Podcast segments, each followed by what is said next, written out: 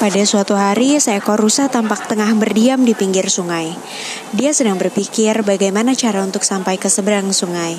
Menurut kabar, di seberang sungai terdapat banyak sekali makanan.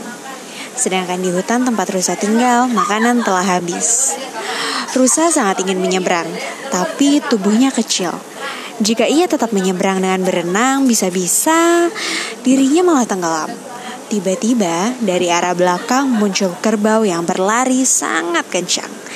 Tapi ia langsung berhenti begitu melihat rusa yang sedang terbangun. Hei rusa, apa yang kamu tunggu? Di seberang sana ada banyak makanan. Aku sudah sangat lapar, ucap kerbau. Merasa tak sabar. Aku masih bingung, bagaimana cara sampai ke seberang sana? Jawab rusa. Hahaha, buat apa bingung? Tinggal menyeberang saja. Ucap kerbau menggampangkan. Belum sempat rusa membalas perkataan kerbau, kerbau sudah bergegas masuk ke dalam sungai. Rupanya, kerbau sudah sangat kelaparan. Ia pun berpikir tubuhnya sang besar tidak akan membuatnya tenggelam. Namun, apa yang terjadi? Hap, tiba-tiba buaya muncul dan langsung menangkap kerbau. Kerbau pun tak bisa menghindar. Sebenarnya buaya mengincar rusa, tapi rusa tak kunjung menyeberang. Beruntung ada kerbau yang tidak sabar dan buru-buru menyeberang.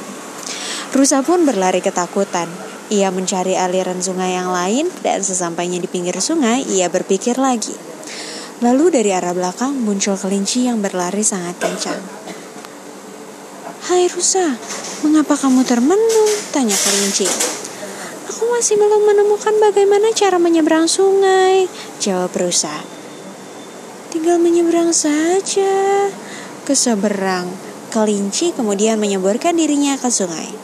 Apa yang terjadi? Oh lala, tubuh kelinci terbawa arus sungai. Ia pun hilang hanyut tenggelam terbawa arus sungai yang deras. Rusa terus berpikir. Tak lama kemudian ia menemukan pohon pisang yang telah mati. Dengan hati-hati, Rusa membendangkan pohon itu di atas sungai. Ah, jadilah jembatan pohon pisang. Rusa langsung melintasi jembatan tersebut. Akhirnya, Rusa bisa sampai di seberang sungai dengan selamat dan bisa makan sepuasnya di sana. Itulah hasil dari kesabaran Rusa. Jika saja ia tak sabar seperti kerbau dan kelinci, mungkin ia tak akan bisa sampai di seberang dengan selamat. Pesan moralnya adalah buah dari kesabaran adalah kawan. Orang sabar itu disayang Tuhan. Orang yang sabar akan mendapatkan hasil yang sepadan.